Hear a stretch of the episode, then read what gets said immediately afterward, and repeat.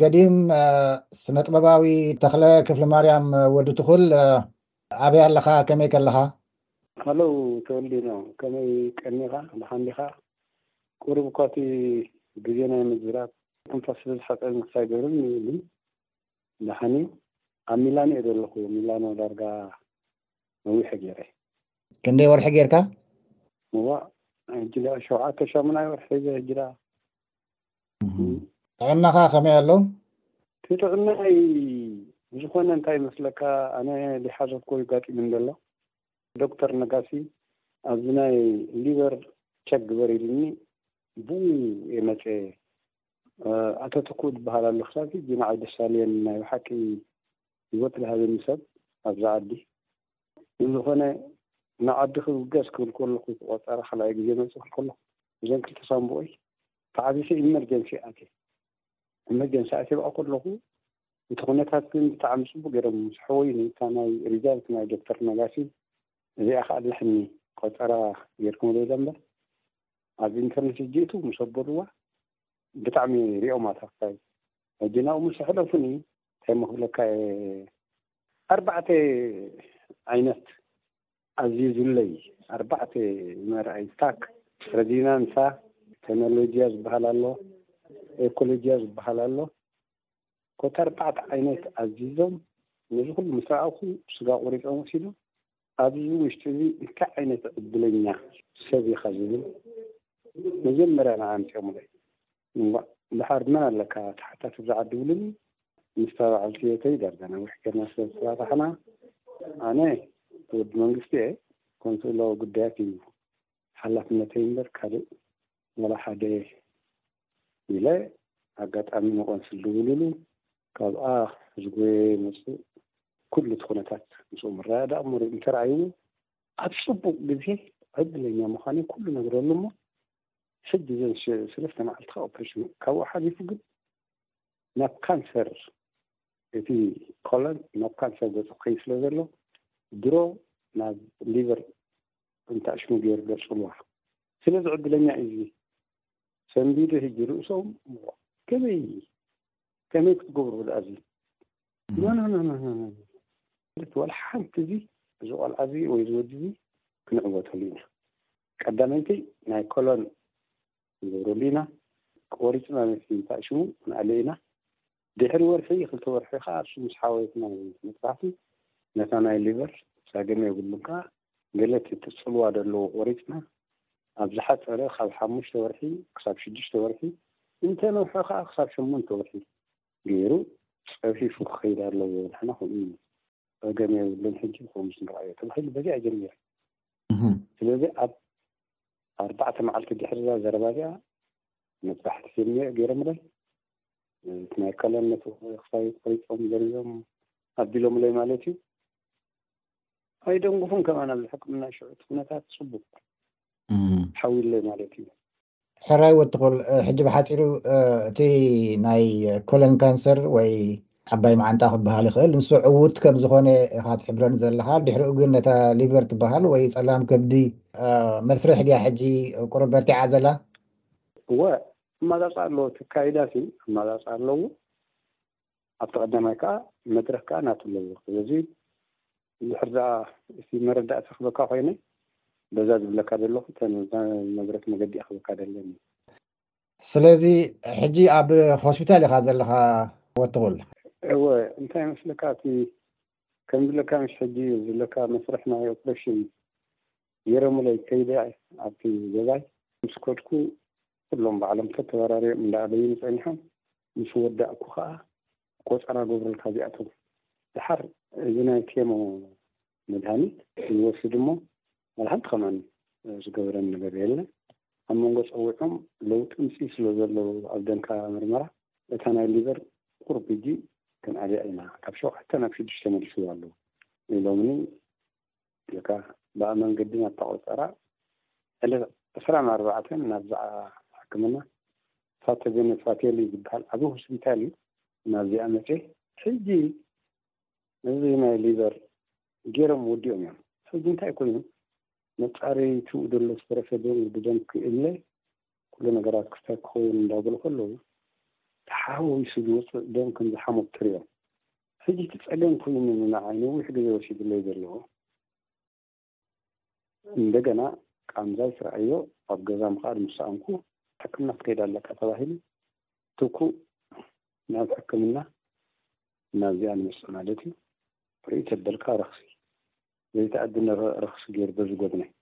ሕጂ ነቲ ብረኽሲ ከውጽኡ ነቲ ውጽኢኦም ካልእ ቱቦ ክእትዉ ኣብዚ እቲ ስቃይ ሕጂ ካብኡ ትሒዝካ ክሳብ ሕጂ እዛ ጸገም እዚኣ ዘላኒ እምበር ዋላ እቲ ኦፕሬሽን ኢልካ ካልእ ኢልካ እውን ሕማቕ እዩ ነይሩ ማለት ጽቡቕ ነገር እዩ ነይርኒ ዝማረር ኣይኮነን ሕጂ ግን ከም ዝብለካ ዘለኹ ኩሉ ኩነታተይ እንዳተናውሐ እንዳተናውሐ እንዳተናውሐ ከይዱ እዛ ኣምላኽ ናይ ብሓቂ ከምኡ ንርኣዮ ኣምላኽ ብኩሉ ዝቀበሉ ጽቡቕ ነገር ኣነ እቲ ዘሐጉሰኒ ወዲ ህዝቢ እየ ካብ ቀደም ዝኣምነሉ ወዲ ህዝቢ እየ ኢለ ስለ ዝኣምን ናይ ብሓቂ ዝኾነ ነገር ዕላለይ ንሱ እዩ ዜማታተይ ደርፍታተይ ንሱ እዩ ኣብ በረኻ ንገብሮ ኩናትን በረኻ ንገብሮ ውግእን ከከም ኩነታቱ ኢና ንኸዶ ነርና ንህዝቢ ዘድሊ ነገር ከኣ በቢ ንህዝቢ ዘድሊ ሕራይ ወትኹል ሕጂ ኣብ ሰዓት እዚ ማለት ትንቀሳቐስ ዲኻ ሽንትኻ ትደፍእ ዲኻ ኣብ ዓራት ዲኻ እስኪ ቁሩብ ኣብ ከመይ ደረጃ ኸ ዘለኻ ብሕፅር ዝበለ እዚ እዚ ክልተ ወርሒ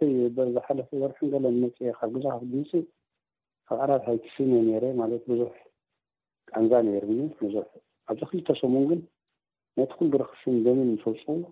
ናይ ብሓቂ ተምስገን ኣምላኽ ኦፌታ ረኺበ ማለት እዩ ተጸሊለ እምበር ነይረ ብቃንዛ ብጣዕሚ ኣብ ካልእ ኣእምራዊ ዝኾነ ነገር ኣሕዲርለይ ነይሩ ተወልደ። ገዲም ስነጥበባዊ ተኽለ ክፍልማርያም ወድ ትኹል ኣብ ሚላኖ ኣብ ሆስፒታል ደቂስካ ኢኻ ዘለኻ ኣብዚ ሰዓት እዚ ንወድ ትኹል ነድሕኖ ኣለናልካ ንበሎ ዝብል ናይ ህዝቢ ማዕበል ተንቀሳቐሰ ይመስል ብዝኾነ መልክዕ ኣለናካን ብሞራልን ብገንዘብን ኣብ ጎኑ ክንከውን ኣለና ዝብል ብደረጃ ዓለም ይስማዕ ኣሎ እሞ ከመይ ትከታተሎ ኣለኻ ዘለካ መልእኽቲ ንዓጹ ወዲ ትኹል ቀጽል እዞም ዓበይቲ ሙዚቀኛታት ማሕበር ናይ ብሓቂ ኣነ ኣብ ሓንጎላ ኣይነበረን ብዓብኡ ግን ንዓይ ሃንደበት ፅቡቅ ነገር እዩ ኩነታት ገይሮሞ ዘለዉ። ምኽንያቱ ኣነ ብዙሕ ዕቃበታት እዩ ነይሩኒ። እቲ ኩነታት ግን ካብ ገበርዎ እዚኣ ምስ ሰማዕኩ ጽቡቕ ኢለ ዋላ ሓንቲ ጸገም የለን። ካብ ሞት ኢኹም ተውጽኡኒ ዘለኹም ናይ ነብሲ ምድሓን እዩ። ዝገርመካ ተወልደ ሎማዓንቲ የሰምዓ ነይረ ናይ ኣረጋይ ሓጎስ ኣብ መንጎ ደኣ ካልእ መደብ ኣእትየልካ እምበር ልክዕቲ ታሪኽ ኣነስ ብዙሕ ምስ ኣየዕለልኩን ኣብ ሶሻል መድያ እውን ኣይተራኸብናን እቲ ኣብ ሜዳ ኣብ ሓወልቕ ኣብ ሜዳ ኤርትራ ኣብ ስድራቤተይ ከይተርፈ ንሓፍተይ ንሓወይ ብዝኾነ እታ ስድራቤት ኩላ ስለዝጸነተት ኣነ ሓደ ንሱ እዩ ተሪፉ በላ ዓንተቦ ናይ ብሓቂ ኣርቢ ሓጎስ እታ ዘረባ እቲኣ ብምንም ተኣምር ነብሳ ክኢላ ተጻሒፋ እንተሪኽካ ሕዛይ ኣነ ግን እንታይ እየ ድኣምን ወዲ ህዝቢ እየ ድብል። ህዝቢ ኤርትራ ካብ ቀደሙ ህዝቢ ኤርትራ ብዜማ ድዩ ብቁምነገር ድዩ ብዋዛ ድዩ ህዝቢ ኤርትራ ዝብሃል ብጀካ ጽንሲ ህዝባዊ ግንባር ዘርእዮ ጅግንነትን ዘርእዮ ናይ ብሓቂ ዘኹርዕ ተግባራትን ከም ተኽለ ኣነት ዝኣምኖ እምነት ግን ረኺበ ኣለ ኩሉ ትሕቲ ኣምላኽ ግን ረኺበ ዋይ ፈኢለ ዳጭነቕ ኩሉ እውን እየ ዝበዚ ኩሉ ፀገማት እየ ኩሉ እውን እየ ነዚ ኩሉ ሓንጎለይ ኣብ ካልእ ፅንዶ ዘእትዎ በስመ ኣብ ብወልድ መንፈስ ቅዱስ ኢለ ንነብሰይ ንድሕሪት እየ መሊሰ ክነግረካ ስለዚ እዞም ነዚ ዝገበርዎ መደብን ነዚ ዝገበርዎ ሓሳብን እዚ ህይወት ምድሓን ስለ ዝኾነ ውድትኹም ኣብካ ትሕዝ ኣይግድሰካን ሓኒ ግብሪ ኢሎም ዝገበርኩ ብጣዕሚ ብክልተ ኢደይ ደጊፈ ጽቡቕ ኢሉምክና። ወድትኹል ፍጹም ወልደማርያም ወድዛግር ኣብ መስመር ኣሎ። ፍጹም ሓጺር መልእኽቲ ንወድትኹል ወድትኹል ሰምዓካ ኣሎ ፍጹማይ። ተኽለ ሓወይ እንቋዕ እዚ ጥዑም ድምጽኻ ኣስመዓና። መሊኡ ጥዕና ክህበካ ከዓ ኩሉ ግዜ ለመናና ንልዑል ኣምላኽ ልዑል እዩ ትኹበይ ዋእ እቲ ደኣ እሞ ስማዕ እንዶ ሰብ እኮ ጭንቀት እዩ ዝቐትሎ ካብ ጭንቀት ዘገላግሉ ኣሕዋት ተጌርካ ጸገም የለን ካልእ ኩሉ ጸገም የለን ክንደይ ርኢና እኮ ኢና ክንደይ ንፈልጥ እዚኣ ትቖንጆ ኢለ ዘይብል ሰብ እየ ዝኾነ መኻይድ ዘይፈልጠኒ ግን ብእውነት ኣነ ወዲ ህዝቢ ቁሩብ ደሰማ ስለ ዝነበርኩ ኣነስ ኣሕዋት ዘይብለይ ኣብዚ ዝብላ ነበርኩ ግን ተኻ ብዓይነ ይርእዮ ንዓኻ ኣብ ኩሉ ቅርሲ ናይ ህዝቢ ኤርትራ ተዋሳኣይ ውሉድ ህዝቢ ስለ ዝኾንካ እቲ ዘሕለፍናዮ መስዋእቲ ዝዝክሮ ክብሪ እዩ እዚ መጠን እዚ ክብሪ እዚ ከዓ ኣብ ህዝቢ ዓብዪ ቦታ ስለ ዘለዎ ከም ፍጡራት ፈጺምካ ክትንከፈና ኣይንደልን ማለት እዩ። ንሱ እዩ እቲ ዋና ዕላማ። ንህዝብና ከኣ ደሓን እቶ ደቁ ሓቚፉ ዝኸይድ ስለ ዝኾነ እቲ ካብ ህዝብና ክንረኽቦ እንኽእል ግምጃ ግምጃ ይኸድነና ኣሎ። ብጣዕሚ ሕጉሳት ኢና። ጥራሕ ንዓኻ መሊኡ ጥዕና ይሃበልና። ጽባሕ እኳ ተኹለይ ብሓንሳብ ኣብቲ ስቴጅ እውን ብሓንሳብ ንወርደሉ መዓልቲ ምጻእልና ዳስ ዕሳ ጥራሕ እዩ ዝምነዋ። ኣብኡ ከለኻ ፍጹም ወዲ ዛግር እዚ ናይ ገንዘብ ምትሕግጋዝ ም ወዲ ትኹል ኣለናልካ ዝበል መልእኽቲ ንምትሕልላፍ ኢልኩም ዝጀመርኩሞ ሓገዝ ንወድ ትኹል ሕክምና ዝምልከት እስከ ከመይ ኣሎ ኣብ ከመይ ሰዓት ኣሎ ብኣኹም ስለ ዝተወደበ ሕራይ ተወልዲኖ ሓወይ እቲ ትማሊ እንድዩ ጀሚሩ ከምዚ እዋን እዚ ቁሩብ ዓድማ ኣቢሉ እቲ ናይ ንግሆ ጀሚሩ ብጣዕሚ ስሉጥ ዝኾነ ኣበርክቶ ናይ ህዝቢ ርኢና ኣለና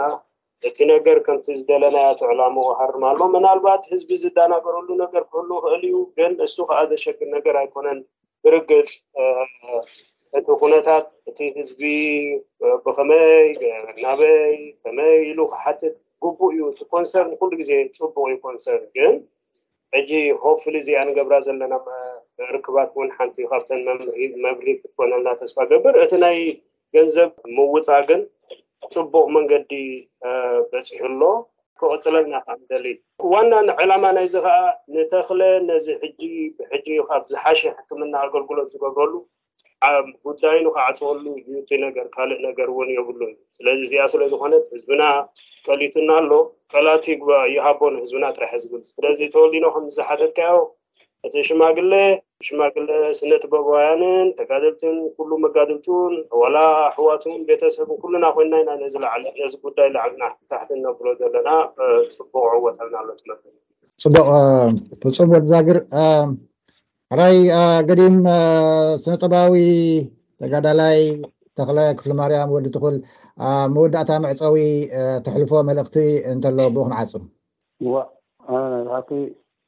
ኣሕዋት ኣለዉኒ ብኣሕዋተይ ኮሪዐ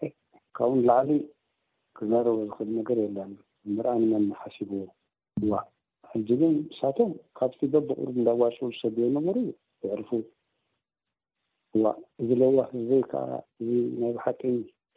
እንቋዕ ካብኡ ተፈጠርኩ እንቋዕ ካብኡ ተፈጠርና ንብል ካብ ቀደም እዚ ኣቦን ኣደን ከም ዘለና ኣሚኖም ዓብዮም ከም ዝኾነ ሰብ ጉቡኡይ ክፍጹም ኮየ ንሜዳ ከይደ። ከምቶም ኣሕዋትና ዝተርፉ ከኣ ካብቶም ዝተረፉ ኣይኮናን። ትርፊ ምቕሊ ተሪፍና ማለት እዩ። ስለዚ ነዚ ህዝቢ እዚ ዘዕግብ ነዚ ህዝቢ እዚ ስቲል ኣይሰራሕኩን ኣነ ዝብል እውን ተዛሪበ ነይረ። ሕጂ ከኣ ዕድመን ጥዕናን ስለዚ ፅባሕ ንግሆ ንህላወይ ውሕስነተይሲ እዚ ህዝቢ ኣራጋጊፅለይ ኣሎ ገይሮሞ ዶ ኣለው ናይ ብሓቂ ግን ተኣምር እዩ ተኣምር ዕድመ ነዚ ህዝቢ እዚ ናይ ብሓቂ ዕድመ ነዚ ህዝቢ እዚ እዚ ካብ ትሕቲ ጉድጓድ ኣውፅኡ እዩ ዘብለካ ወዲ ትኹል ሙሉ ጥዕና ይግበረልካ ኣብ ፀንክረ ኩነታት ኮንካ ኣብ ዓራትካ ኮንካ ትንፋስ እናሓፀረካ ከምዚ ኢልካ ንክብሪ ህዝቢ ኢልካ ንክብሪ ሓለይታካ ኢልካ ነዚ ድምጽኻ ዘስማዕኻና ብሽም ሰማዕቲ ድምጺ ኣሜሪካ ብዙሕ ኣመስግን ክብረት ይሃበለይ እንደገና እዝግሄር ምሕረቱ የውርደልካ። ኣሜን ኣሜን ኣሜን ኣሜን።